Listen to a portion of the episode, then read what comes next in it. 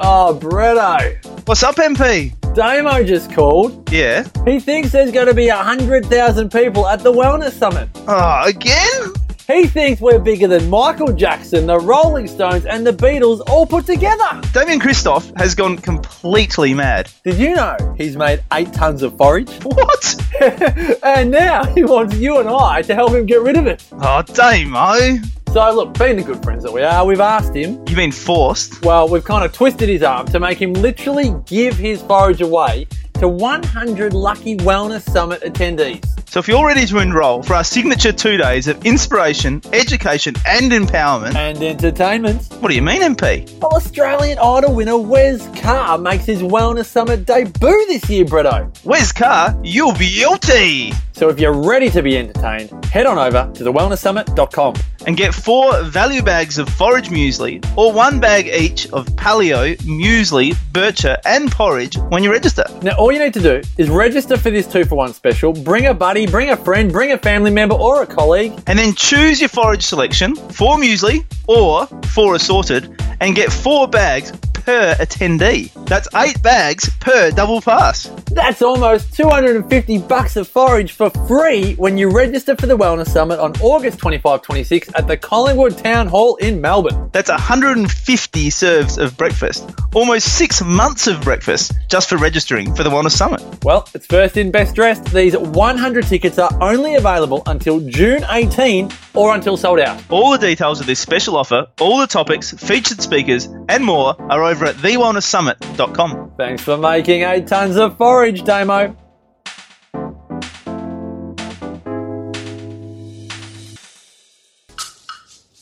TheWellnessCouch.com, streaming wellness into your lives. Welcome to Nourishing the Mother, featuring your hosts Bridget Wood and Julie Tenner.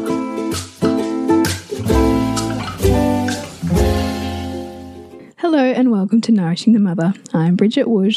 And I'm Julie Tenner. And today we have a very special podcast with a very special woman, Megan. Would you like to say hello, Megan? Hello. Megan is a mum to triplets. And before her triplets, she had two, ol- or has two older sons, one who is now currently 10 years old and eight years old. And then her triplets who are currently two years old. So this is a really fascinating story for us around your journey of one, a surprise, well, a planned third pregnancy that turned out to be a surprise triplets, which then you were given a 100% mortality rate if you continued with the pregnancy of three triplets. And it's really the story of, well, your emotional journey with that, your relationship, the experts and the people that you found along the way to, in the end, birth three healthy babies, which is just, we love stories that challenge the status mm. quo. Mm. So before we dive into that, I'd just love to remind you to jump on to nourishingthemother.com.au and sign up to join our tribe. And once a week, we'll send you an email with wrap ups to everything we've put out in the world, and you can pick and choose where you'd love to dive deeper. So, Megan is currently a stay at home mum to five children 10, 8, and 2 years old and is studying her master's in educational and developmental psychology. So, you already have a degree in psychology, which I was talking to you about earlier, which I find fascinating. And I'm interested to know how that set you up, given the journey that you've had as well. Where we'd really like to start is this the beginning of your story? So, are you happy if we just kick over to you just to roll on, tell us your story, and, and we'll be conversational and see how we go from there? Yeah, sure. Um, I guess our story starts, um, well, three years ago now. We had our two boys at home and they were in school, and we'd always spoken about going back and having our third child. And me and my husband decided that was the right time. Um, we were really looking forward to it. Um, had studies planned around having our third child and finishing off that degree. Um, and yeah, fell pregnant pretty quickly, super excited. And immediately I was just so unwell. I had terrible, terrible morning sickness that I hadn't had with my other two boys. And I guess my intuition told me that it was a very, very different pregnancy to my others. How unwell were you? I was incredibly unwell. I was vomiting nonstop throughout the whole night, um, all day, couldn't keep water down. Um, and what the- were the feelings going on for you? Like, what were some of the thoughts going on in your head around around the real, reality of that?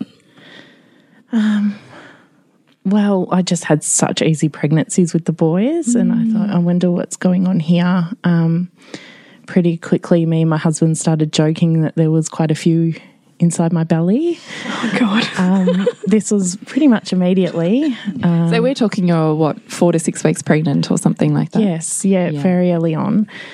Uh, it did lead me to go back to my GP and say, "Look, I've been so unwell. Can we please have a scan?" Um, and I did joke with him at that stage and said, "I, think there's four in my belly." wow. Uh, and he said, "I'll stop being silly." And then another week went on, and non-stop morning sickness, very unwell. So how are you even looking after your older two at this point in time? Because that's debilitating to the point of being non-functioning. Yeah, the, look, the boys were at an age where they could get themselves ready for school and were able to help out. I did have one of my son's teachers email me because my son had gone to school and said, Mum has been up all night vomiting. So she checked in to see if I was okay. Mm. Wow. Yes, I think my boys did sense there was something mm. going on too. And it got to about seven weeks, eight weeks, and the GP did send me off for that first scan. And that's when we found out we were having three. Can you talk us through that scan? So is it an abdomen exa exam or an internal ultrasound? Um, yeah, it was over the belly. Was over the belly. And Yeah. so what are you noticing in the sonographer and what are you seeing on the screen and when did the penny drop? So she looked very, very young. I think it was one of her f- very first scans. And she just looked so shocked. And she went silent and then finally announced, I can see three, and, and started pointing them out. And I was thinking, oh, there's three, there's not four. That's good. Um, uh, and she just looked, she was just so silent. She didn't really talk until we went back out to the desk to hand the report. She finally said, Congratulations. Um, it was the first one she'd seen. And at that stage, she pointed out that one was um, in a single sack and two were together and identical. Wow. And and how's your husband? I imagine he was there with you. No, so I had been You to were the? GP Oh and I just drove straight down to that scan. So, Were you shocked? Um, Were you shocked to the point of, oh, three, yeah, that's better than four? Like, yeah, no, my head going, what? I was relieved. I wasn't shocked um, when I saw the scan. That's so interesting that you were relieved. So, in your intuition, in your head, you've already played out four is my worst case scenario. Yes. So, when you're Yeah. given the news of three, you actually have the perfect emotional response. Don't you find that Gosh, that's- fascinating? Isn't it interesting? it's just so fascinating that you know you already had like that, that worst case, so this is already better than before. Yeah, yeah. um How did you break the news to your husband? So I was a bit worried about breaking the news, and I got in the car, and I think that's when the shock hit, and I called him at work. What did you say? And I think I said something along the lines of, Do you want to hear the news? I've gone for the scan. And he said, Oh, there's two, isn't there? I said, No, no, keep on going. He said, Oh, three, there's three. And he didn't take it badly at all. Mm. Wow. Yeah, there was a few jokes about him packing his golf bags and, and leaving, but he was just joking. He was quite excited. Wow. Wow. Yeah.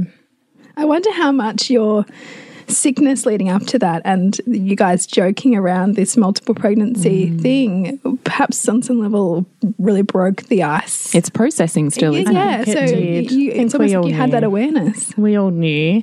I don't think you'd ex- you'd think there'd be four in there. I think mm. if you're that sick, you'd be maybe expecting twins. But mm.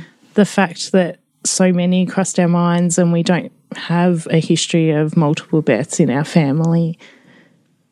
Mm. And I hadn't felt that way with my previous pregnancies. So, So, you, so you've both kind of taken this news fairly well. You're both on board Yeah. with it. And so, um, what's the next step after that? That that scan. You obviously went to your doctor. yeah, I finally got put in hospital at that point on a drip. Okay. to try and stop the sickness.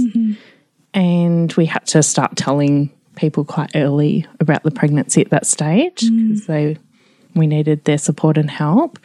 So we broke news to family a little bit earlier than we had hoped to, probably around the nine week mark.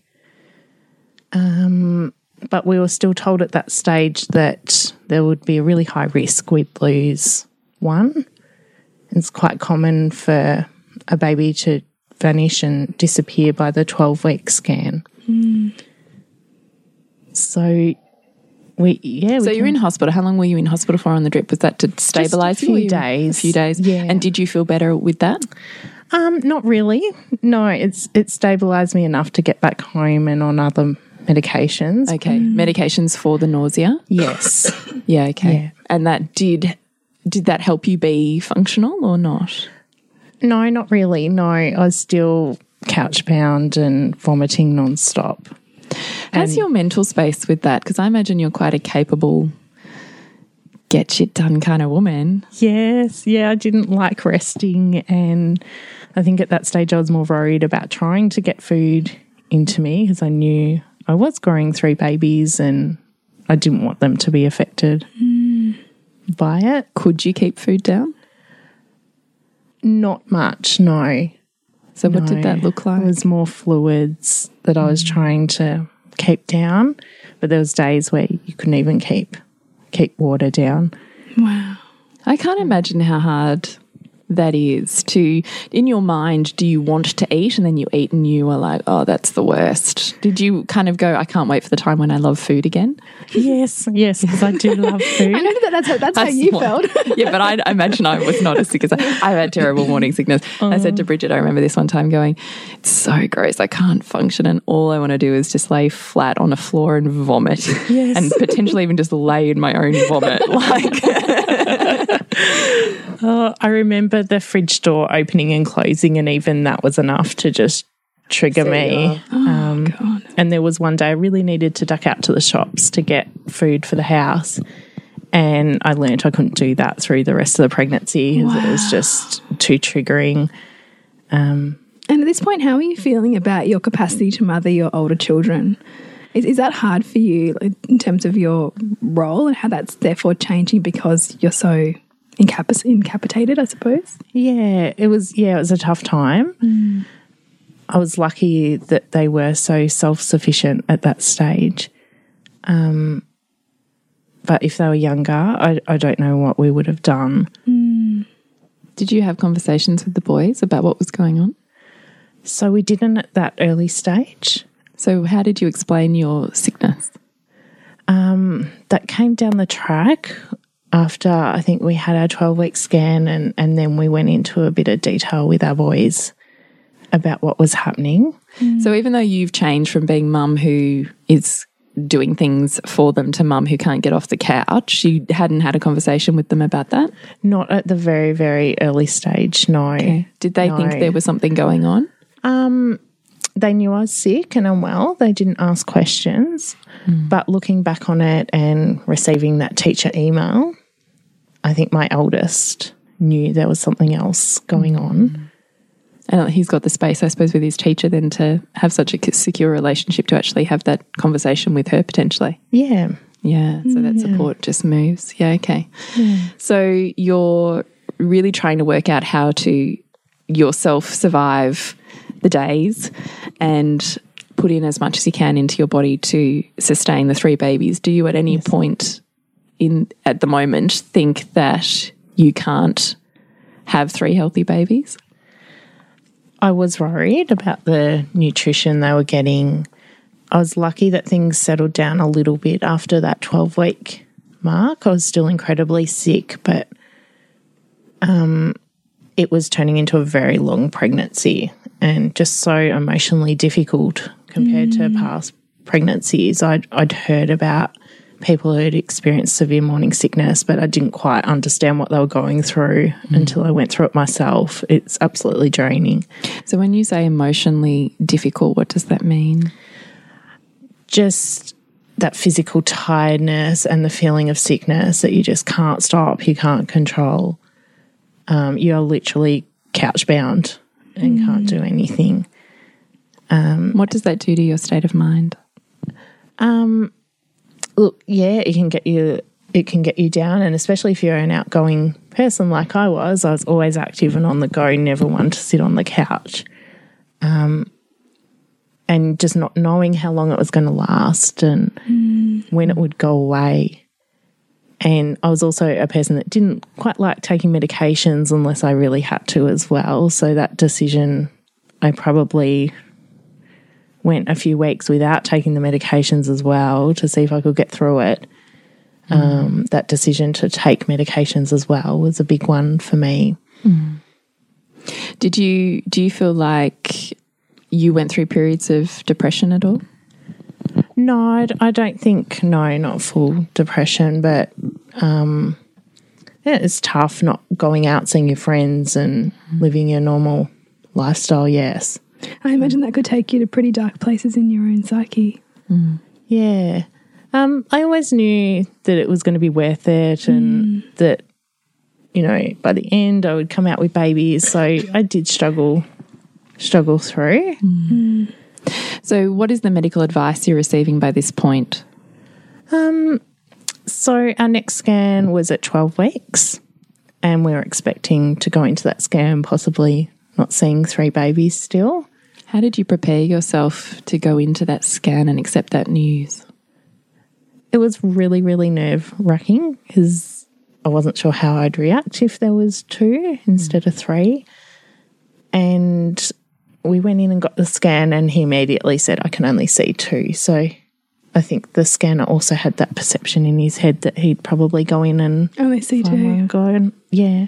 And was that the two that were in the one sack or I wasn't sure at that stage. Okay. He didn't say. And then another minute passed and he scanned and he found, found the third one. Sounded quite surprised by that.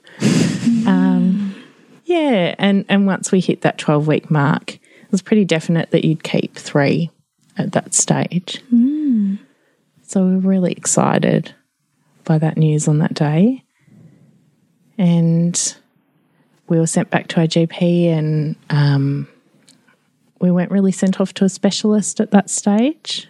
We our next scan was planned for twenty weeks. are you booking into a hospital or anything at this point in time? There was talk of me needing to go to a tertiary hospital that had more supports, but there was no rush or urgency at that stage. Can I just ask with your first two, did you have vaginal or C section births? Um, both vaginal, yeah. So, with triplets, what are you considering for your birth at this point in time? What does that birth look like in your head when you're going, I'm booking into hospital, maybe I should go tertiary or not? What what are you basing the decision off of in terms of what that birth looks like? I was told I could only go to two hospitals in Melbourne that would cater for a triplet pregnancy birth. It had to be C section. There wasn't an option safety wise. That was the only way they'd deliver them. How do you feel about that? Or how did you feel about that then? I wasn't, I didn't have my mind set on either way. So you're feeling quite resolved to we get three healthy babies. I'm okay with this Yeah. decision. Yeah, definitely. Um, so from there, we had it was over Christmas, and we had a bit of a gap between our scans, but So you're just surviving between the 12 and 20 weeks. It's kind of life as normal and you're just surviving day by day yeah, on the Yeah. couch, still trying to eat and drink as much as you can. Yes. Still vomiting. yes, How are you sleeping? yeah. Sleeping was uncomfortable too from a really early stage. I'd popped out quite early. Mm. Well, three babies. Yeah, It'll do that, I imagine. Um, are you trying to resource yourself at this point? I always had in the back of my mind it seemed like a really long gap between scans and just the level of care for triplets. I, I wasn't sure what to expect. And I hadn't been referred on yet. There was a bit of a delay around that. And in the end, I decided to call across to one of the hospitals, and I got a lovely, lovely nurse. And I'm so glad I made that call who stated, Come in straight away you should not have been left for that long. There's some risks around carrying identical babies. So I got a referral and went straight across. And um, yeah, so glad I did because that's where our journey began, really. So take us on that journey. Yeah, so I didn't know at the stage, no one had told us that if you are carrying identical twins or identical triplets, and by that I mean that they're sharing a placenta. So Were all of your tri- were your three triplets sharing a placenta? No, no, because you had so- two separate sacs, so two separate placentas. Yeah, so I had Sophie with her own placenta and her own sac, and then I had Jade and Asha who were sharing a placenta, and they were the the concern medically at that stage. So it was the first time we were told about twin to twin transfusion syndrome, but we were told not to worry. Um, if it happened to our girls, there'd be a, a laser surgery available to fix it during the pregnancy. So we went home and we're due back again the following week to get another scan. So we're sitting about 16, 17 weeks at this stage. And um, right over Christmas, I had popped out. I was feeling really uncomfortable all of a sudden. And that was a early warning sign of twin to twin transfusion syndrome that we weren't quite aware of. Um, so yeah, we went into the the scan and um, got a sense pretty quickly that things weren't right. And we had quite a few people come in and do different scans over an hour or so. Are they talking to you during this process? No, um, we did ask if everything was all right, and they said that it was very, very complicated, and they'd take us into a room after the scan explain what was going on. So how are you feeling when hearing that? I was thinking things aren't great.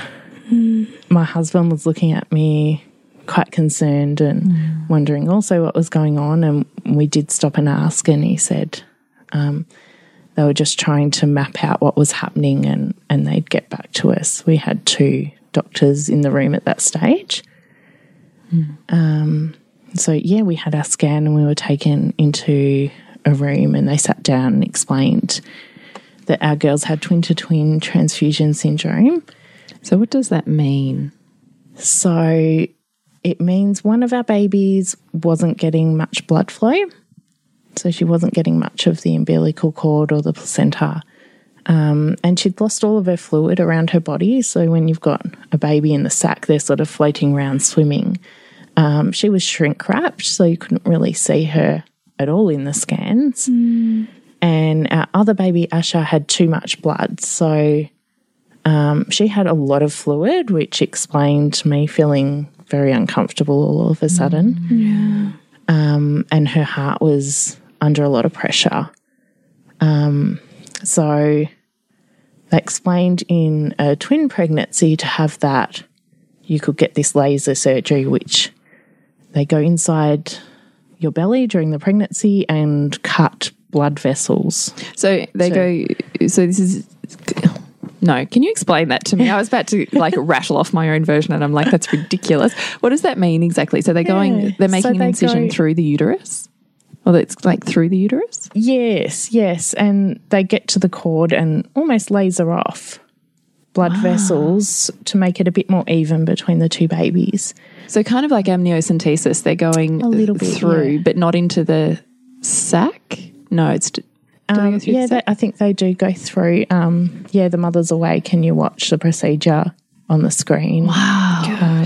So they're sealing off blood flow to the one that's getting too much. Is that what the laser's doing? Yes, yeah. Yeah. Okay. And- And so, what does that then do exactly? So that would increase your survival rate Because it about- evens out the the nutrients or the blood flow between the two. Yeah. okay. Yeah. So it would have increased their survival up to about 60 to 80%, um, with the risk of possibly still losing one of the babies. Um, but the outcome, if you couldn't get the laser surgery, was pretty grim, as you mentioned at the start. Um, so when because we have a mutual friend, my mutual friend had said to me, "Oh my god, Julie, I have just heard the most incredible story. Do you know there's this woman who was given 100% fatality rate. 100 100% fatality rate if she continued." And she defied that. I was like, "Wow, that is a story I want to hear about." So is that literally what happened? Did they say to you there's no hope here?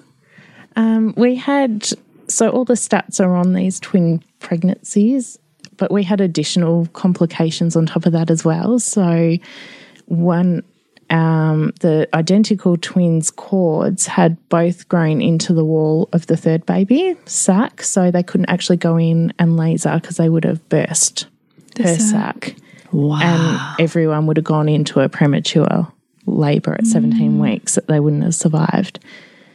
So at that stage, the only solution, and we had the best medical team, and they are absolute heroes to this day. They looked after us so well. They were so good in not pushing options and giving us time to decide what we wanted to do. But our only option at that stage was to try and save our single girl, Sophie. And that would have involved um, a procedure to stop the hearts of Jade and Asha, the identical girls.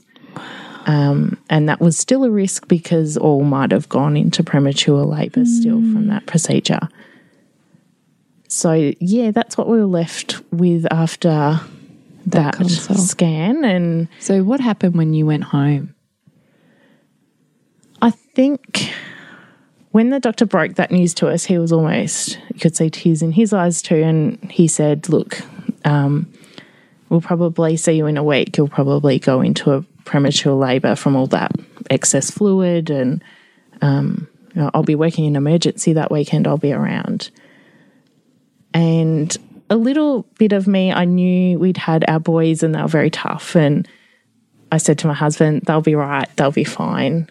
Um, but the doctor said, look, this is, yeah, it's not a great outcome. And we went home, and I think as that week went on, I didn't have as much hope as I'd had on that first day. And Because what's what's coming into your mind? What are you being plagued with that's reducing your hope and increasing your doubt?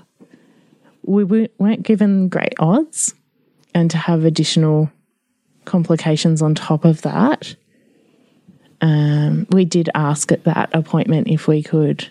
There's about six doctors in Victoria that did that laser procedure, and they did meet that week to see if there was any other options.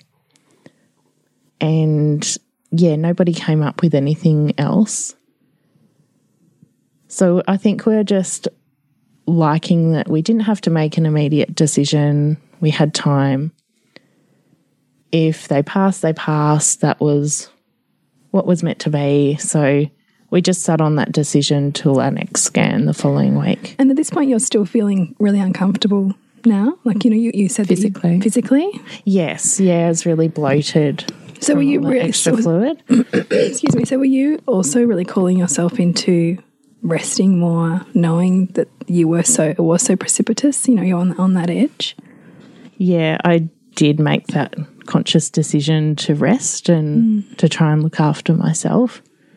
And I think from that scan, I went into that frame of mind that I've got to try and reduce my stress. I've got to try and mm. rest if there's going to be any hope of getting them through. Mm. In your mind, do you feel like you have to make the decision between one healthy baby or no healthy babies? Yeah, my husband and I had lots of discussions around that. And when they sat us down, they said, Look, there's no good choices here. It's a really difficult situation you've been put in.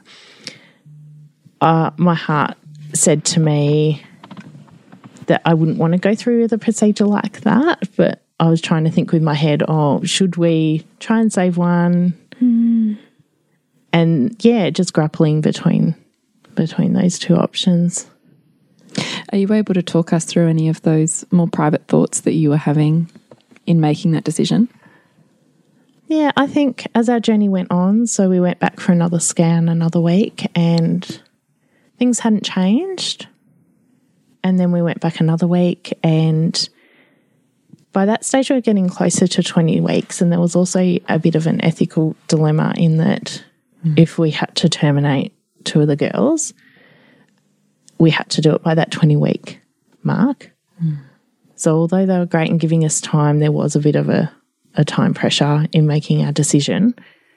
I think the thing that made me not go ahead with it was I couldn't choose one over another. Um, and that it wasn't an option to just terminate one of the girls. Both had to be terminated. So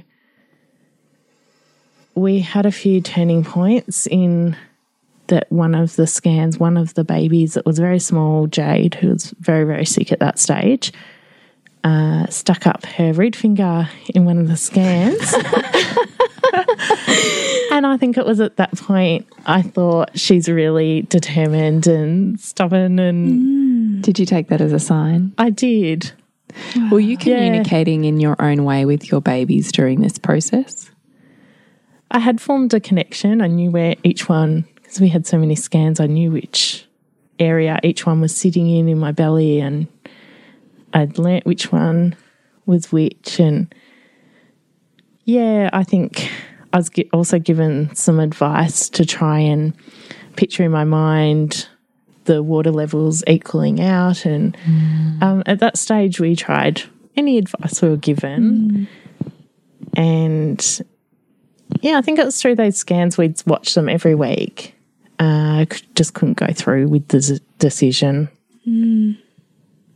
How were the medical team with you at that point? Like, how were they feeling about your um, desire to continue? They were so incredibly supportive. They weren't judgmental at all. They said, if you want us to stop the conversations around termination, we will. And I went in each week saying, no, you can raise it. I want to think with my head as well, not just my heart. Um, and they go over the same talk each week. They were incredibly good. They got in professionals from other hospitals as well to rescan just to make sure they couldn't do this laser procedure. So they were very good. I guess the turning point was at 20 weeks. So it was al- always assumed that Jade, our little one, wouldn't make it through.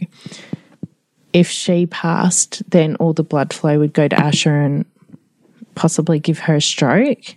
So they were concerned that she'd be, if she did survive, which they were saying weren't great odds at that stage at all, that there could be big complications and that they could pick that up on a scan, but we couldn't change our mind and terminate after that 20 weeks. Mm. So potentially at this point, you're thinking it's possible we lose Jade and that Asha has long term disability. That was raised mm. As a high possibility.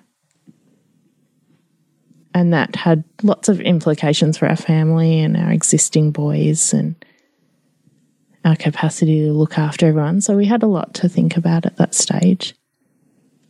How did you do that? Like at home between you and your husband, how are you working your way through all of this information? Um, I'm trying to take myself back to that time, but we were just very open in our conversations. And my husband's priority was always my health. He wanted me around for our boys. And he Was that ever a concern that you wouldn't be during this process? I think it was a concern for my husband. It could have, I didn't have those circumstances that placed me at risk, but it could have changed. I was, yeah, under a, like, um, hard to breathe sometimes from all the, all of the fluid and three babies in there. So I think that was always in the back of his mind as well. Um, but yeah, I was pretty adamant to go in each week and just let nature take its course and not make a decision. But in not making a decision, you're still making a decision. So, how did you have the faith in your decision to keep going? How did you mentally do that for yourself? I think I just kept on telling myself if it's meant to be, it's meant to be. I had that tiny bit of hope inside me that maybe things would be okay. Um, I knew our other kids were really tough and strong, and I was hoping they had the qualities as well. And Another little thing was that they were girls, so girls have a slightly higher rate of surviving um, a premature birth. And then I reached out to, I finally found a lady in the United States that started a foundation called the Twin to Twin Transfusion Syndrome Foundation. And she was the one that gave me a lot of hope. Um, she her boys had twin to twin transfusion syndrome 17 years ago, and she lost one of her boys but had one survive. And she really talked me into that there's still hope, try and go through the pregnancy. And she linked me into a, a medical professional in America who contacted me straight away with some advice and What was his advice? he told me the importance of bed rest. So he said, go on immediate bed rest, lay on one side, have a really high protein diet. Mm. What were his? Do you under, do you know what the reasons were behind that advice? So I think it does help. It's a bit of old school advice, but it's supposed to try and help the blood flow and So lying on your left side. yes, Yes. And the protein. The protein I think helps boost the placenta and the blood flow as well from my understanding. I don't know if that's 100% correct. It's a bit controversial in Australia, but I thought at that stage why not? We given no other hope, might as well mm. try it. So I sat and sipped away v- very slowly on sustagen drinks all day long for about 10 weeks. And I haven't touched a sustagen since. Sustagen, for those who might be into uh, international and don't know, is is essentially like a, a protein kind of drink that we Yeah. that is used widely here in the hospital system for rehabilitation of various sorts. yeah. So, So 100% bed rest. yeah, yeah, I got up for little things like the toilet, but um, yeah, I put myself on bed rest. It wasn't the advice over here. So in Australia, that wasn't the advice. no, it wasn't. Why? Why was that? I think there's also risks in going on bed rest in that you can have clots or um, so they do encourage a little bit of activity during pregnancy over here. So How did you weigh up those two options in your mind? I thought we were given an option where there was no chance of survival, no other option. So why not give it a chance? Why not give them a chance? Mm. It can't hurt them. So yeah, I did that, and we, How is your family functioning? So you're on 100% bed rest. What is happening around you to make your family function? Because you still have two kids in the mix of all of this. yeah, had amazing kids that would became very independent very quickly, mm. made their own lunches, and my husband was still working because we had to try and save that leave for if the girls were born at that stage. And we had amazing neighbours and amazing school mums that would all come around and clean. And that was hard for me stepping back and not doing mm. things. But I really made myself sit on that couch. And we were so lucky to have incredible people, some that we'd only just met and got to know, all came around and cleaned my house and Wow. helped out. The power of women and oh, community. Yeah. And online shopping. I became a good online shopper. What are you filling your hours with in bed rest? Are you tired? Are you sleeping a lot? No, I wasn't sleeping during the day. I was too uncomfortable and mm. sick to sleep. But I was watching a lot of daytime TV that I'd never watched before. I, I was bored at that stage. I really was. I struggled with that mm. stage. But I, I was lucky that I had people popping in and lifting my spirits, mm. keeping I'm, me I'm hearing such resilience here and such willingness to lean in, you know, mm. like it's just profound. yeah. Had you connected with online communities of women to multiples, like at all during this process? No, I never did that because in my mind I thought I might lose my babies. So um, I only connected with that foundation I mentioned earlier. So you didn't want to be around a commu- an online community that may have previously experienced loss or success that you weren't sure which way your journey was headed. Is that what you mean? Yeah, yeah. I probably wasn't aware of um, support groups around loss at that stage. Um, but I didn't want to connect with the other groups either. So I wasn't sure if our journey would end up going in that direction. Um, but you mentioned earlier about the boys and telling them, and it was around that stage. We were trying to, they were asking, they knew there was triplets, but we were trying to explain there might be one, there might be two. How did you explain that to them? Um, very simple terms like that. We're just not sure how many we will take home. And they would ask, Oh, how many? Is there going to be three? Or we just said, We don't know, boys. We just have to wait and see. Was that hard for you? Yeah, it was hard explaining it to the boys. Do you think that they got it? No, I don't think so. Mm. They couldn't understand why we couldn't give them that definite answer. Mm. Yeah. But they, they were joking, so I don't think they could fully understand it. They kept on saying things like, I hope it's not three three girls.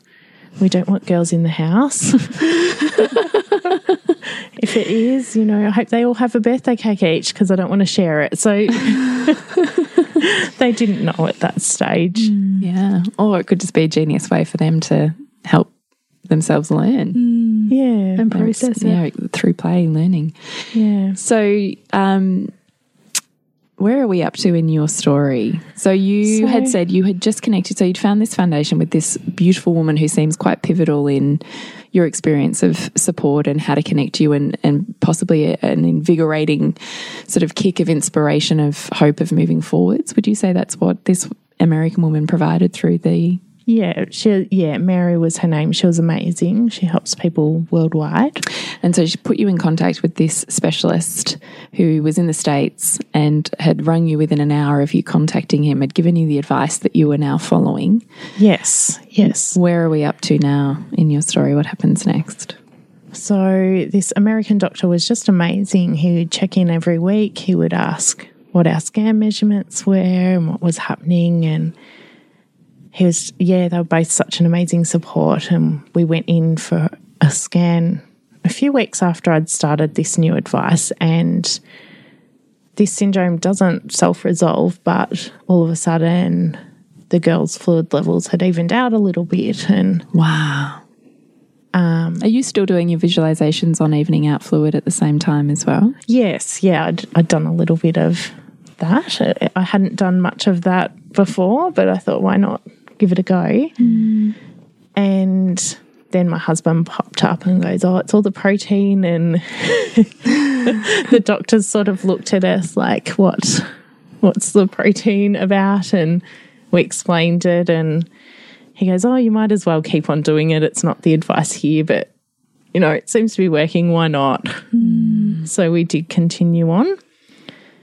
And there was a joke every scan about the protein, and the scanning lady had got to know us and thought it was hilarious that we'd gone off and done this So, how often are you having scans? every week at that stage. And so, are there changes between that first scan when when those fluid levels started to even out? Are those changes continuing with each scan, or It's very, very small.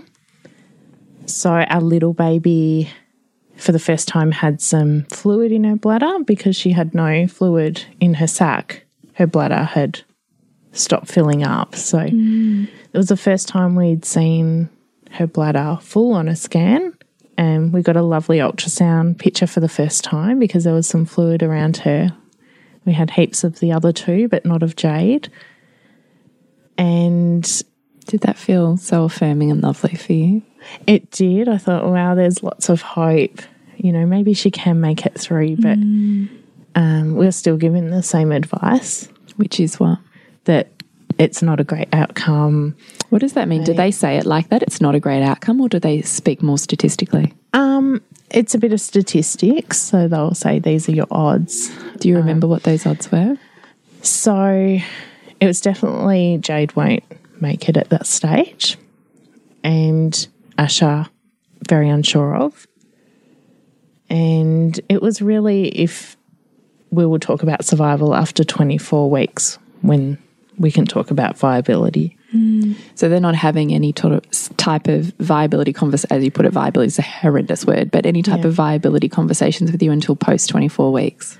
Um, no, it was raised every week that this is what you need to get to. and that Jade most likely, Jade also had growth restrictions, so she wasn't getting much of the placenta. And they explained even if she made it past 24 weeks, that growth wise, she probably wouldn't reach over the 500 grams to be viable and be able to be safe. So we were still at, at that point. But I was thinking in my head, oh, wow, that's like such a big improvement. There's a lot of hope there. Um, but it's still, yeah, in their eyes, it wasn't wasn't enough to pull us through to a safe outcome. I think they were still worried it would progressively get worse. Usually, uh, like within days, that syndrome can end up, yeah, killing babies. So it's not usually a journey like we had where things will settle down or even slightly improve. So defying what they've seen previously at this point in time. Yeah, yeah. Are, are they beginning? At what point do they begin to acknowledge that? Like, is there a point at which they're they're now looking at you, going, "How is this happening?" I Or is it still touch and go? After the 24 week mark, we reached that milestone, and that was an incredible. So what was that scan like? To know that two of the babies had reached over the required weight was just incredible. wow But, you know, it still could have all changed overnight. Mm. Um, So were you constantly living with the fear of this might be my last day with this baby? I think going into each scan was really at such a nervous time because you just didn't know what to expect in that scan. Mm. So you don't know if you're going there and seeing three heartbeats or not. Yeah, yeah. And they were so good with us. It was the first thing they did. They jumped straight in and and find those three heartbeats and then go on and do their scans. But I think everyone was relieved each week. Mm. Yeah. Because they're on this journey with you. Yeah. Mm. Yeah, they're amazing. So yeah, we reached the milestone of 24, but there's still a lot of risks around having a baby that young. But there's a chance. Mm. So at this point, there's a chance you have two babies over the 500 gram weight limit. if Yes. Call it that. But Jade's not. Jade's not even close at that stage. So what does that mean? What are they telling you about that? So I think the discussions around Jade had just stopped at So that stage. do you perceive that they'd given up hope on her, that they were waiting for the day when she would no longer have a heartbeat? I think early on that was very clear that they thought she wouldn't make that week without a heartbeat. But I sort of in my head always thought we were fighting for three. And it mm. wasn't until our 28 week scan, which was the next major milestone because the outcomes at 28 weeks are amazing. Um, Jade had grown to a viable weight. And it was the very first time they said, Oh, we're on a mission now to save Jade. And I remember just being really shocked because I was You always, always on a thought you- mission to save her. I didn't realize we weren't on that mission. And yeah, that was amazing. So something big's happened between 24 to 28 weeks for Yeah. Jade to have the growth to go from nowhere near to now she's viable. yeah, she's scraped through. Yeah. What do you think happened in that four weeks? I don't think we know, but my husband will say it's all that protein. I don't think we can know. Um, Did you have any change in body feeling, in communication, in internal dialogue? Um, I think at that stage, I had learnt about mindfulness the year before through my university studies. So I'd just been trying to look after myself and try to relax. And I think that I could keep myself calm helped us get through and help them get through. Um, feeling wise, I couldn't feel the babies by that stage because they'd become so cramped. I couldn't feel kicks. So I really didn't know what was going on for them. It was a surprise each week. I went in for That's a so fascinating. I didn't realize that. But it's so they the space gets so tight Yeah. that they their movement is restricted, or just It the subtle. Oh, okay, Yeah. and the movements themselves are smaller, so the feelings you have are more subtle. Is that Yes. Yeah. I couldn't pick up on them as well as I could early on. Mm. Um, is your belly kind of a constant moving process? It wa- it did have its wiggly days. there was arms and legs sticking out everywhere. But towards the end, I think one had pushed up really high into my body, like pushed up the lungs. I've heard they do push up all your organs into your body. So she was quite cramped and I couldn't really feel her. Um, but things like breathing were a bit more Really hard. difficult. Yeah. There was a few nights I sat on the couch just upright because I couldn't lay down in bed. So um, by the 28 week stage, I was thinking, oh, I hope it's not too much longer. Yeah. So are you still lying on your left side, having your protein and bed resting? yes, yes. I made that decision from about 20 weeks, I think. So I spent 10 weeks doing a lot of bed rest. So 28 weeks, here we are. What happens from here? Yeah. So um, we were told our next major, major milestone would be 30 weeks. Great outcomes at that stage. And if we made it to 32, we were promised a party.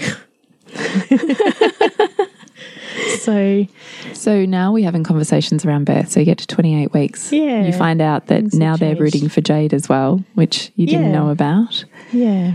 So what happens from here? Are they now, does the conversation now change from if we make it to this scan to how are we birthing these babies? Yeah. So scans stepped up a lot. They were every few days. After that, I was traveling in um, to a hospital about 40 minutes away quite a few times a week. And the care we received was just amazing. They were so protective and so careful in how they managed the pregnancy from there on. And What does that mean? They were so careful. I think they knew that if anything happens, like if fluid levels changed, if growth stopped, they'll get those babies out straight away. Hmm. Yeah. So we went in and So each time you're going in, are you going in potentially having babies? Um, I was hoping so, but So, so are you taking a hospital bag now with every every one of these appointments after 28 weeks? no, I didn't. I was a bit. Un- I'm not that sort of person. I'm a bit unorganized. I go with the flow, but um, yeah, it's just we went for a few more weeks and things just tracked along and stayed the same. Nothing got worse. Um, there were other complications that could happen, and they would have been straight out, but we were so lucky. And it did get to that 30, bit before 30 weeks. Um, two of the girls had really stopped growing, and the decision was made that they're better out than in. And I think I was ready at that stage too. Yeah, so So then what happens? How do how do we prepare for your birth? so there wasn't much preparation. We went in late one day and um, we were told they'd be coming out the next morning.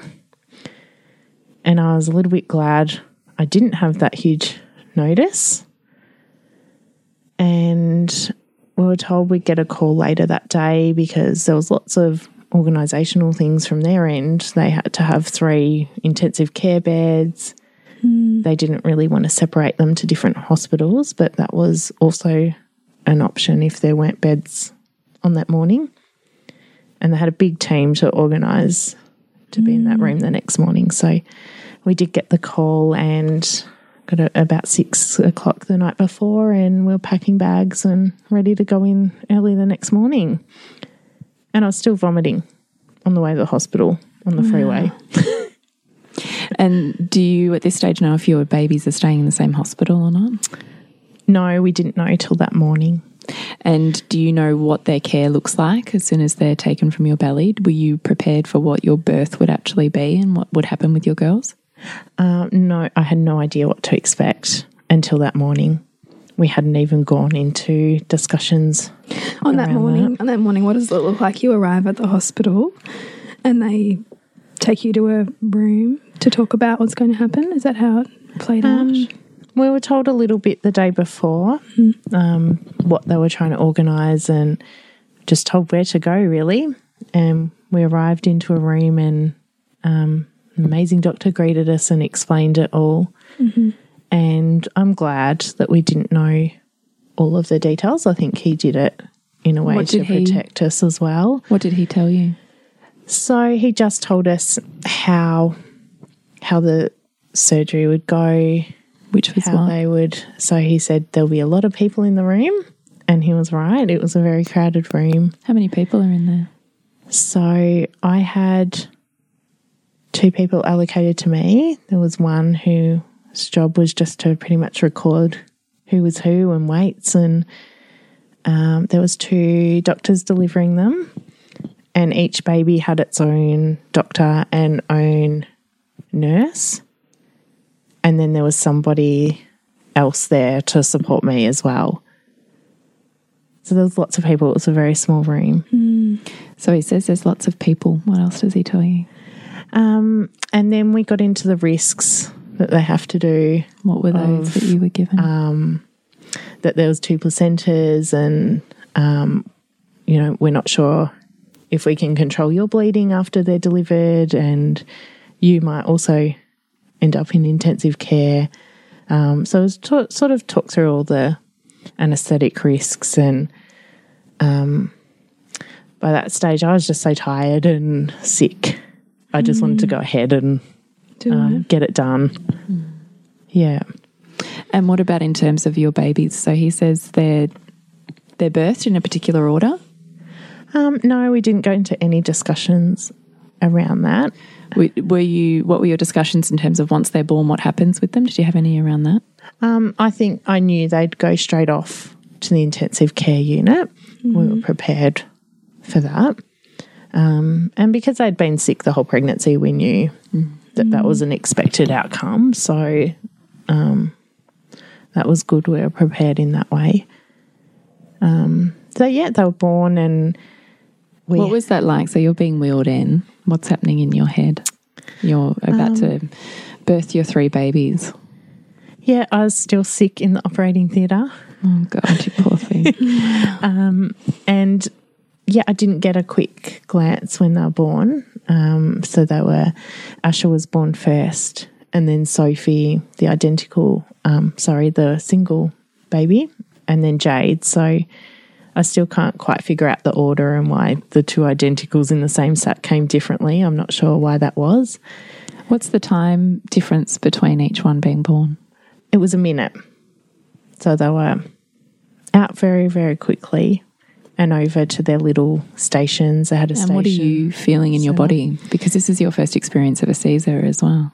Yeah, um, yeah, it was a scary experience for me. I don't like needles and um, just trying to get the spinal anesthetic in took a long time, and um, I didn't know what to expect once I was born.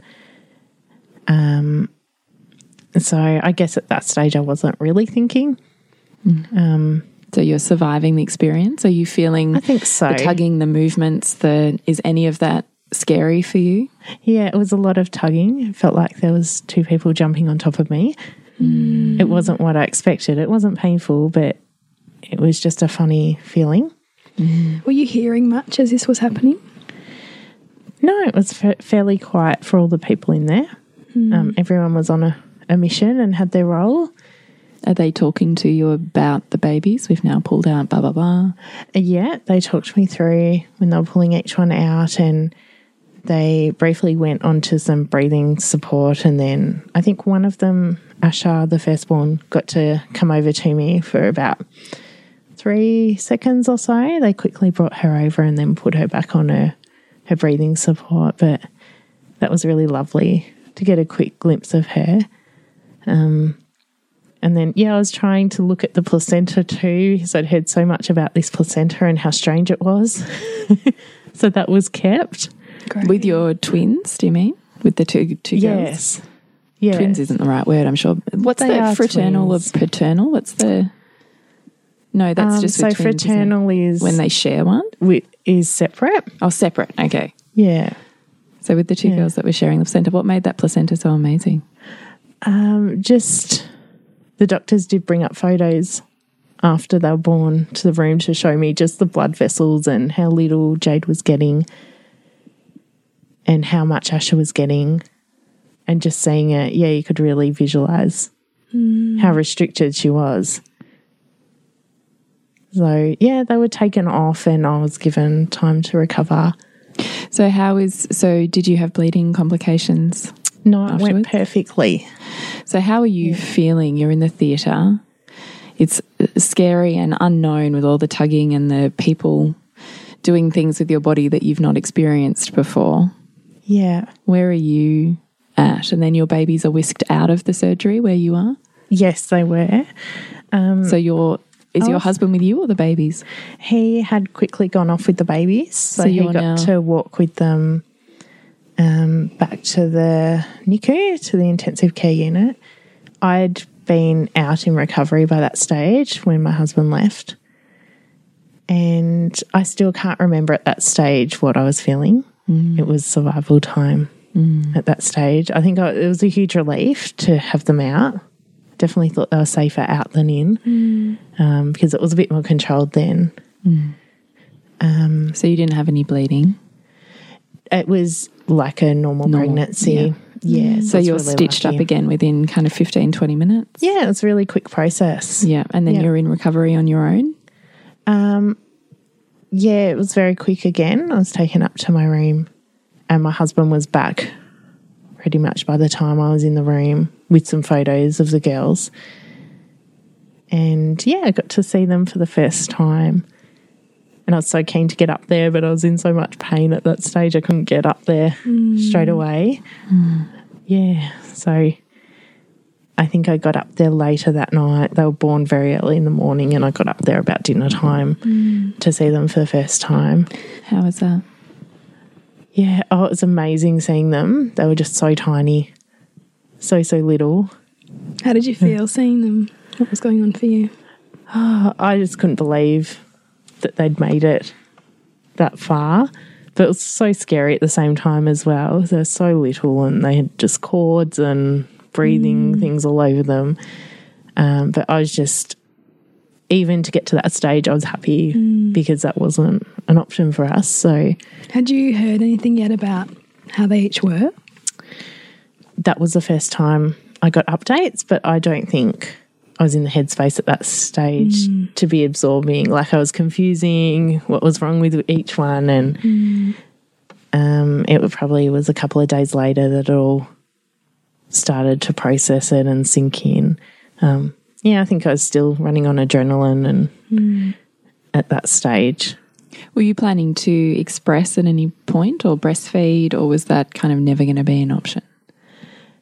I hadn't thought past their birth at all, had not mm. thought about it.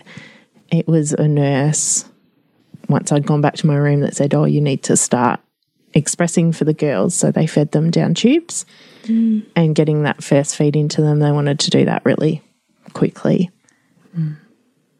So, yeah, I definitely had to go along with the flow. I couldn't have gone into that journey with things pre planned. Um, but yeah, I definitely didn't allow myself to think past their birth. Um, So when you're processing, then, so in this couple of days post their birth, are you focused more on your recovery? Do you get to see them very much? Is there anything that stands out in your mind about that time, or does it all feel fairly kind of foggy? it's fairly foggy. I don't think I was focusing on myself at that stage at all. Um, my visits were around taking milk to the girls every few hours. So I'd So you are expressing. I'm expressing. It's a big thing to try and express in the NICU. Um, it's really important for the baby's Why? survival just to get that breast milk into them. It's easier for them to digest since they've got really immature bowels. So, So are you sore? How are you going actually physically managing that post surgery? I wasn't sore at that stage, but I think I probably was and not picking up on it, running off of a lot of adrenaline still at that stage. Um, I was just getting in my wheelchair, and um, I think by a day I'd started walking up there, um, not using the wheelchair anymore. I was on a bit of a mission to go and visit them. Um, yeah, so my trips were taking the milk up to them and visiting them all, and then going back to the room, having a bit of a rest, and going back and forward doing that all through the day. Is that more exhausting or do you feel better than being pregnant? Oh, much better. It was instant relief Isn't that to get them out. Yeah. Mm. So even this like incredibly difficult scenario in some ways is still a relief from where you were. Yes. Yeah. That's amazing. Yeah. Yeah, the pregnancy was a tough time. I don't think I could have done it for many more weeks. But once they were out, yeah, felt amazing. And what what statistics are you ge- be, being given on the girls at this point in time? So we weren't told statistics, I think, because I didn't realise. I thought once they were born, our journey would be over. I knew there'd be complications from premature birth, but I didn't really understand what that would look like. But we're on to phase two of our journey, Which is which was surviving their NICU stay. Um, and I don't think they can tell you how your journey's going to look because it's so different for everybody. So we had Jade, our little one, was just doing amazing, and I thought she'd struggle the most. are they in separate cribs or do they at any point be together or how does that look? They were in separate rooms, so we really had to take whatever spots we could get. Yeah. One was in one room and two were in another. And I remember a few parents pulling me aside saying, you know, that's really wrong and they should all be together. How do you feel? But at, at that stage, I was just really grateful we were in the same hospital. They could have been spread all over the state. I've heard of babies being split into different states. So Wow. I was, yeah, incredibly grateful we had them in one hospital. Um, yeah, so Jade was doing amazing, and then um, the other two were struggling a bit more. And that was because they were that little bit healthier and not ready to be born yet, whereas Jade had struggled along. So she mm. was prepared to come out and, Have that uh, extra help. yeah, That's so Yeah. interesting, isn't it? That her adversity in the end was what created the perfect environment for her to thrive. yes. That's kind of Yeah. fascinating. Yeah. Yeah. So Jade was also born sticking up her finger again. Was she really? She Sounds was. like a firecracker. it's like she was born and said, oh, I showed you I could do it. Yeah. wow. Yeah. And she's still got a very stubborn streak to her to this day. Um, So the the other two girls are struggling. Yeah. So, What are you being told about their health? so I did get a call. I think the first day they were born, Asha had a collapsed lung, which is called a pneumothorax. And that they'd already done the operation, like a chest drain to release all the pressure and um, intubated her for her breathing. Um, and at that stage, yeah, I just wasn't too phased by it all. We'd already been through so much. I didn't quite understand how serious that was. Um, and yet she bounced back so quickly. She was off of everything within five days and just on a little bit of breathing support. But um, yeah, she's done amazing from that journey. Um, Sophie was struggling a bit with breathing too. Um, but yeah, at that stage, they said Asha was the most serious. And once again, yeah, I didn't quite know what our outcomes would be. Um, but yeah, she bounced back really quickly. In your body, do you still feel like it's okay? What do you mean by that? Sorry. Well, just through your pregnancy, you had this kind of sense of there's still hope. This can, they can still do this. They're, they're strong enough. We're from strong stock. Just this kind of Yeah. mental background chatter that's that's focused on the strength as opposed to the weakness. Do you sort of maintain that background chatter through the process of them being in NICU? Yeah, I think at that stage we were in survival mode and thought, yep, no, they'll be okay. They'll be fine. Um, probably down the track, we've looked back on it and thought, oh, wow, that was a bit of a journey. They're very, very lucky. But in that moment, yeah, there was just so much going on. Yeah, but yeah, we're incredibly lucky looking back on the journey. Yeah. What makes you say that you were incredibly lucky? Um, I think just to get to the point they were born, we were incredibly, incredibly lucky. Um, and then for them to have complication after complication after they were born. So they were in hospital for about three months after their birth, which is um, pretty stock standard for a premature birth. And How long are you in hospital for? So I was in for about two, three days. So as soon as I born, yeah, they started preparing you for that. They said you'll be very upset the day you have to go, and um, yeah, there's not, there's just not facilities to stay on. Yeah. How was that day you had to go? Um, honestly, I didn't have that strong emotion. I think I was just so incredibly grateful that they were in the hands of the medicals that could um, help them survive. It was, yeah, it was horrible running in and out and trying to juggle that with boys. But How did you juggle that? What did that look so like? I got into a very set routine where boys would go to school. I would um, go straight into the hospital for the day. Then I'd be back by home time. Um, at this stage, hubby was still working because we needed to save that leave when they came home. So it was very structured. Um, we were able to call across at any time and ask questions how they were doing. And um, yeah, it was a bit of a daily ritual. Take all the milk in, hope for good news when you arrived. And so, are you expressing sort of every three hours around the clock at this point to Yes. keep your milk up? Yeah. So, you're waking up during the night? Yeah, so even though the babies are in hospital, I was mm. still awake at night expressing. How long did you do that for? Uh, um, I lasted about three months. It's an um, incredibly long time. That's a really long Yeah, time to feed yeah. three babies. Yeah, mm. I was really lucky that we had a good milk supply to go round to three to last that long. Mm. wow. Yeah. What sort of support or challenge is your relationship going through? Um, look, I think we're lucky we're so connected. And but it was a juggling act, so I guess there was time where we were a little bit separated because he was at work and trying to run home to kids, and he was also trying to get in there and visit on his way home. And um, yeah, it's probably really tough on him finding the time to pop in and visit as well. Is that what he would do? So you would be home for school pickup and he would go to the girls after work? Yeah, he'd go on the way home and give them a bath or spend his time with them. Um, but yeah, I was so lucky I had a supportive partner. and Yeah, just helped us become stronger through that journey. So when you say you're really connected, does that mean that you're maintaining lots of communication? Yes. Yeah. And a good sense of humour as well along the way.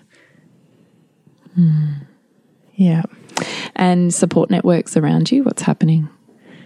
Um, there's lots of support in the hospital for parents of premature babies in the way of social workers and um, you know everybody chipped in and people we least expected like people we'd only met a few times through kids sports and school mums and you know, everyone was dropping us off meals or helping run around our other kids. Um, yeah there was always someone out to help my husband so we were so lucky. Um, and some of those people, yeah, we'd only met a few times and are now like our lifelong friends. It was the people you'd least expect that stepped up. Yeah, It's a big story. Yeah. What are your takeaway messages from your very profound life journey? I think it's just so important to trust your intuition. So, you know, I knew something wasn't quite right during that pregnancy. Um, it's just so important for other people out there to be aware too, if they've got multiples that are identical, that they should be getting really regular scans. And um, a lot of people aren't aware of that, even professionals. But yeah, I just, everything I don't feel right with if I get that gut feeling with my kids. And there's been several medical things since I born too that just didn't feel quite right. And I have had checked, and you know, the intuition's always right. No one knows your babies better than you. Yeah. Yeah. Hmm. So, So- just advocating for them and just thinking, you know, you can't give up hope. If there's a little glimmer, you've got to go with that. Hmm. So, for another mum that might be going through any version of a multiple birth, what advice would you give her? Well, if if their babies are sharing a placenta, it's just so important they get early scans from 12 weeks. There's not that big gap. Um, they should be getting them every two weeks at least. And that's not well known knowledge here in Australia, but just so important um, that they should be looking out for this syndrome. It could, yeah, it could save their babies' lives. So, very important to get specialist care too. To find the right people. Yeah, you've got to have a specialist um, obstetrician in that area, which is your major local hospitals you should be going to. And in terms of finding support groups online, you've given us the links, which we'll put in the show notes. Those, I think you gave us three foundations. They were pivotal in your experience. Yeah, so um, there's the Miracle Babies Foundation who um, support families for premature birth and sick babies. And also the Little Aussie Prems Foundation who support premature babies. So they did amazing things like support groups linking us with other families who um, we've also made lifelong friends with. And they did little financial things like drop us off supplies and nappies and got us through that time in hospital where we weren't prepared. They would always be dropping off a little package for us. Um, and then the twin to twin transfusion syndrome that I mentioned earlier was just, um, I think they changed our outcome. They're amazing and um, American organization that supports people around the world. Um, she was still sending us resources and books from overseas once the girls were born. So their support, even after birth, was just amazing. Wow. Yeah. Have there been any books that you found, or mm, documentaries, whatever you want to call it, that you found particularly moving, pivotal, or worthwhile as a resource? Mary sent us a book on intensive care, which um, just helped us through our journey. It was a great resource in the end. We knew what to expect. Um, there's a little TED talk on premature birth. It's um, a TED talk that relates to find, finding Nemo and just keeping on swimming and just explaining that journey. So that might be really helpful for anyone going through a premature birth and just helping families understand their journey and um, the supports they'd need once they're home as well. And if you could have a billboard anywhere on any major highway in the world, what would yours say? Oh, I think through this journey, we've learnt that um, we're stronger than we think we are.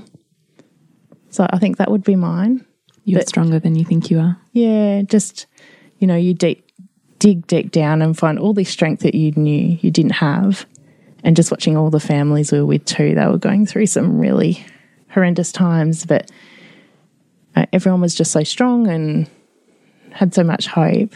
Um, but I guess it's okay to also ask for help as well if um, if you need it and aren't as strong as you think you are. We had so many people helping us, and without those supports, um, I don't think we'd still be here smiling and and laughing at this point. Yeah. And here you are with your triplets who are two Yes. and tearing Causing chaos. How are they at two? What, what, what's what's life with two year old triplets like? Um, it's a lot busier now. So the newborn stage was quite easy compared to two year olds. Um, it was a bit of a routine of changing nappies and feeding. Now at two, very independent, all wanting to put things away themselves and very time consuming. With the triplet babies when they came home, are you feeding them all at the same time, changing them all at the same time? Um, we had them come home staggered, which was nice. It eased us into it. So one came home, and then another one came home about five days later, and then one came home a month after that, the smallest one. Um, so yeah, two were on the same routine, and one was on another routine. So a bit around the clock, but it worked. It allowed us to feed two with two hands, and then when they went back to sleep, we'd do the other one. Wow. Yeah. yeah, you learn to multitask really quickly. Were you tired during that time? Um, yeah, it- look, it was when they first came home. I remember my husband saying, "Oh, I wish we could send one back. it's a lot, a lot harder work with the third. I bet it is. yeah, so just those early, probably the first three months of them being at home, it was around the clock overnight, and one, the small one, required a lot of feeding quite regularly, so up to her a lot. How long did um, your husband have off work at that time? So he saved his long service leave and, and had about three months. Oh, thank God. Oh, gosh. Yes, yes. How amazing. Yeah. Hmm. But there was still some nights we were both up Yeah. with the three. Mm. yeah. Um, what did your boys think of it all? They thought it was a bit chaotic. They love them now, but at the beginning they were so so good through it all. I thought they hmm. might react quite badly or find it really difficult. There was mornings I was woken up by them and mm. they were so good about it. But um my youngest son wasn't quite thrilled with them initially. Mm. And he's come around a lot. They they're both so patient and lovely with them. Mm. And here you are. Yes. Thank you so much for sharing your journey you. with us, Megan. Yeah, thank you for having me and, and letting me tell our story. And you have a Facebook page that you've shared your journey with your triplets on. And if anyone wants to get in contact with you or perhaps ask questions or guidance, can they reach you through that? Yeah, they can. Um, we set up a page through Facebook called The Adventures of the Temby Triplets. Um, and we really just were sharing photos and milestones like walking and all the exciting things with our, our friends and family. But yeah, more than happy for anyone with any questions to reach out to us or mm. join that page. Thanks so much, Megan. Thank you. So, we really hope you enjoyed that interview with Megan, mum to triplets. All of the links she suggested are in the show notes, including the Facebook page where you can get in touch with her. If you yourself are on that journey or have a friend who is, please share this episode so that we can get the information out there and connect some mums on some pretty big journeys. You can get in touch with us at nourishingthemother.com.au, Nourishing the Mother on Instagram and Facebook. Bridget is at suburbansandcastles.com and you can check out her events to see what's happening. I'm at thepleasurenutritionist.com. And remember, you've got to nourish the mother to rock the family. And we'll see you next week when we continue to peel back the layers on your mothering journey. This year, the Wellness Summit returns. I realized in this time that I couldn't keep waiting for love from other people. I couldn't keep expecting love from other sources. But I had to give that to myself. Yanni says, I don't care if everyone says that the kitchen is the woman's world. He says, I'm going to prepare food. I love my own cheese.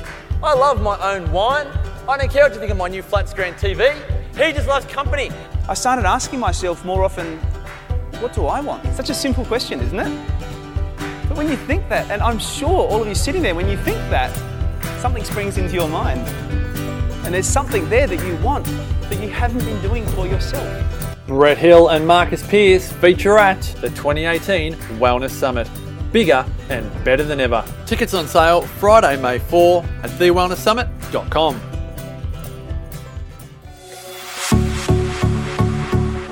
This has been a production of TheWellnessCouch.com. Check us out on Facebook and join in the conversation on Facebook.com forward slash The Wellness Couch. Subscribe to each show on iTunes and check us out on Twitter. The Wellness Couch, streaming wellness into your lives. Whilst the Wellness Couch presenter endeavor to provide accurate and helpful information to their listeners, these podcasts cannot take into account individual circumstances and are not intended to be a substitute for health and medical advice from a qualified health professional. You should always seek the advice of a qualified health professional before acting on any of the information provided by any of the Wellness Couch podcasts.